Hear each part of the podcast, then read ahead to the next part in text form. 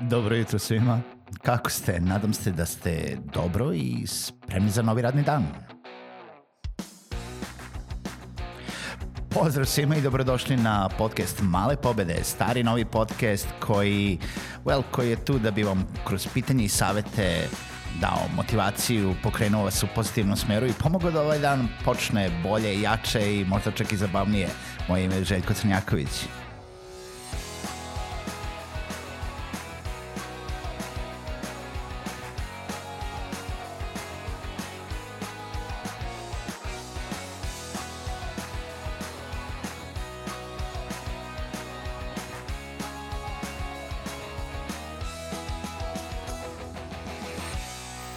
Pozdrav svima, dobro jutro i dobrodošli u novu epizodu podcasta Male pobede.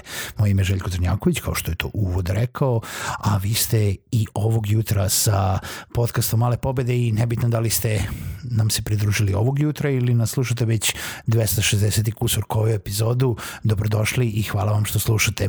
Ukoliko želite da primate informacije o svakoj novoj epizodi i da slušate podcast redovno, nemojte zaboraviti da se subscribe-ujete na bilo koje podcast platforme koje koristite na vašem mobilnom uređaju, nebitno da li je to iTunes, Spotify, Google Podcasts ili bilo koja druga platforma i tako dalje. Ako želite da mi pišete ili da me kažete šta vas zanima da obradimo u nekoj epizodi podcasta, pišite mi na mail malepobede at gmail.com. Naravno, ukoliko bi želeli da podržite podcast, možete to da uradite preko Patreona, www.patreon.com kroz male pobede i ostavite mali prilog. Današnja epizoda jeste zapravo pitanje da li se edukujete u jel da u vašem poslu, u vašem biznisu, naravno, nadam se da je odgovor da da, ali je više bolje i mnogo jel da, značajnije pitanje za ovu epizodu, da li to radite u radno vreme. I sad ukoliko ste neki preduzetnik, ukoliko ste solopreneur, kao što sam uvijek rekao, ukoliko a, ste nalazite u nekom malom timu i ta edukacija je potrebna da biste odradili vaš posao, sigurno je da to radite. Naravno da koristite uh, svoje radno vreme za uh, ne samo obavljanje radnih zadataka, nego svaki svoj slobodan moment koristite za uh, to da se unapredite na neki način. Naravno, to ne znači da nikada nemate slobodnog vremena ili da ne treba da odmorite, popijete kafu ili odigrate partiju stolnog tenisa sa prijateljima. Ako imate, naravno, u kancelariji uh, ili obližnjem uh, nekom sportskom centru, da otrčite i obavite to u radno vreme, nemojte, ali to bi bilo super. Ali sigurno je da čitate neke stvari, da se edukujete tokom radnog vremena. E sad, šta je sa onima koji nemaju toliko slobodnog vremena? Čije je um, neko radno mesto popunjeno na primjer sa toliko zadataka, um, aktivnosti, sastanaka i tako dalje, da jednostavno možda nemaju jel da to neko slobodno vreme unutar radnog vremena da se edukuju i naravno to rade u slobodno vreme. Da li treba da rade i da se edukuju u radno vreme je najveće pitanje, u stvari pitanje koje sam dobio u jednom razgovoru uh, koje sam imao u neko skorije vreme i, i neko je podeljeno mišljenje. Znači i dalje je mišljenje da treba da se edukujemo van radnog vremena. Svi to želimo, koji naravno želimo da se unapređujemo, da bi smo napredovali u poslu i trošimo neko svoje lično vreme na dodatnu edukaciju koja će nam pomoći u poslu. To radimo putem kurseva, putem čitanja knjiga, putem odlaska na radionice, putem odlaska na seminare, putem bilo kojih drugih načina koje možemo da smislimo, ali uh, neki su izrazili želju da im se omogući da to rade u radno vreme. E sad, naravno, ukoliko pričamo o nekom kursu, o nekom seminaru, o nekoj radionici, o nekoj konferenciji na koju vas šalje firma, može se desiti i veoma često se dešava da ukoliko se to organizuje, jel da ukoliko je taj događaj organizovan unutar radnog vremena, da vas jel da firma šalje i da vi umesto da radite na nekim svojim aktivnostima, zadacima i sastancima, zapravo odredite tu edukaciju jel da, u svoje radno vreme. Bez ikakve neke ono obaveze da vi nadoknađujete neki posao, naravno vaše aktivnosti i vaše zadaci u današnje vreme moraju da budu nadoknađeni i vi ćete to kako tako nadoknaditi, ali niko vam neće stajati nad glavom da morate dodatne sate da provedete na poslu ili da radite dodatno vikendom zato što ste bili na edukaciji četvrtak i petak. Bar ne bi trebalo. I sve manje se dešava u neko današnje vreme, možda u neko ranije vreme kojeg se sećam se nekad to i dešavalo da smo morali to da nadoknađujemo. E sada, šta se dešava sa onim edukacijama koje su recimo vikendom? sa konferencijama koje su vikendom. Da oni obično ne budu jel da na neki način refundirane vremenski tom zaposlenom.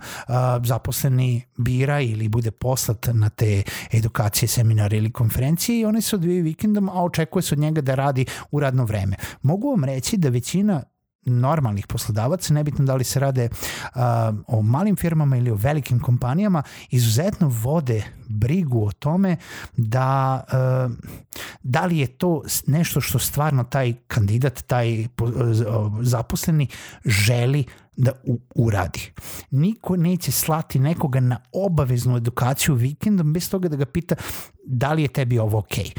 Mislim, možda se de, desiti možemo da se dogovorimo da je to veoma poželjno za tebe da uradiš i da bi mi volili i možeš da dobiješ možda neki slobodan dan ukoliko ti to bude bilo potrebno, ali u slučaju da je nemoguće onaj slobodni dan, onda obično firme pitaju zaposlene da li su voljni da izdvoje svoje slobodno vreme. Znam jednu i drugu situaciju zato što često se dešava da sam imao prilike da organizujemo e, kurseve, seminare, radionice tokom vikenda i da ljudi dolaze i da ih firme šalju da dolaze, ali to su bili ljudi stvarno željni znanja i da ulože taj dodatna, dodatan napor, uh, jel da, gubljenja svojih slobodnih dana u, neko, uh, u neku dodatnu edukaciju koju će moći da iskoriste ne samo u poslu, nego i u svom ličnom napredovanju i tako dalje. Šta je sa onim drugim edukacijama, šta je sa onim drugim uh, načinima unapređivanja koje nisu slanje na neki događaj, na neku radionicu, konferenciju tako, nego želimo nešto sami da istražimo, želimo nešto sami da naučimo, želimo nešto da pročitamo, da pogledamo, da se edukujemo samostalno što svi mi radimo, čitajući razno razne uh, učbenike, tekstove, istraživanja uh, i, i mnogo, drugi, mnogo drugih stvari, gledajući različite uh, video zapise, slušajući različite podcaste, jel, edukujemo se. Na neki način i ovaj podcast jeste jedna vrsta edukacije ili barem ako ništa drugo, širenje informacije oko toga da se zamislite i da vidite kako bi to mogli još u čemu da razmišljamo i kako neke probleme ili uh, jel, situacije da prevaziđemo. Uh, I onda se tu javilo ono pitanje sa početka ovog podcasta. Ja bi više vremena unutar mog radnog vremena da dobijem zarad toga da želim da učim E, to je već diskutabilno. To je već diskutabilno od, u zavisnosti od kompanije i poslodavaca i vaših, vašeg management, menadžmenta, da li vi to možete ili ne možete da dobijete. U svakom slučaju, ukoliko je to nešto, jel, i sad ovo je samo lična preporuka, ukoliko je to nešto što će biti od benefita vašoj kompaniji i vašem menadžmentu da se vi dalje unapređujete, u svakom slučaju je preporuka da pričate sa vašim menadžmentom, sa vašim direktnim nadređenim i da nađete neki kompromis. Koliko je to vremena koje biste vi voleli da dobijete, a koje neće enormno uticati na neke vaše aktivnosti na poslu. Da li je to sat vremena dnevno? Da li je to sat vremena nedeljno? Da li je to dva sata u periodu cele nedelje? Ili je to pola sata svaki dan? Morate da nađete nešto jer u kompanijama koje imaju tempo rada, koje imaju gomilu zadataka koje često ostaju u nekom što bi rekli programeri backlogu, jel, koji se stalno puni, jel, jel, e, kada vi imate neku rutinu, neku, ne, neki pregrš zadataka u, u kako malim, tako i velikim kompanijama, jednostavno ne možete nikad da kažete ja sam kompletno gotov. Ja sam uspio da završim sve što imam. Nisam. Nikad nisam manje više gotov jer uvek je došlo nešto novog posla. Došao je neki novi mail, došao je neki novi upit, došlo je neko novo istraživanje, došli su neki novi sastanci, došli su neki novi intervju i došlo, došlo je nešto novo i uvek imam šta da radim. E sad, pitanje je kako ja organizujem svoje vreme. Da li ja mogu sam sebi da zakažem sastanak jel da, pod navodnicima sa sobom i da izdvojim sat vremena za to neko pod navodnicima učenje. I da li je to ok sa mojim managementom, to jest da li ja imam slobodu na mom radnom mestu da to uradim. kao što sam rekao, preporuka jeste da pričate sa vašim menadžmentom. Obaveza vašeg usavršavanja je isključivo vaša. Mislim, e, kompanije imaju obavezu da usavršavaju, imaju interesa da usavršavaju svoje ljude. I zato postoje i radionice, i zato postoje i neki budžeti recimo za dodatnu literaturu, za um, odlazak na te događaje, konferencije, radionice, seminare, uh, za nabavku uh, nekih audio knjiga, za nabavku možda ili upis na neke dodatne kurseve. Ali često uh, kada ne pričamo, kažemo, opet o konkretnim događajima, to je nešto što se očekuje da vi to uradite u vaše slobodno vreme.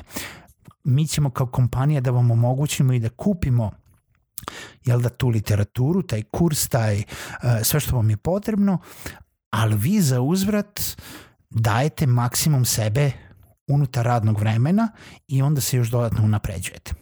Sa druge strane, verujem da u nekim kompanijama ipak postoji način da se uh, organizuje vreme tako da vi dobijete tih sat, dva, nedeljno ako treba, čisto zato da bi jel da bilo bolje i vama i njima. Razmislite o tome, pišite mi da li se edukujete na poslu i na koje načine. Čujemo se u nekoj narednoj epizodi podcasta Male pobede.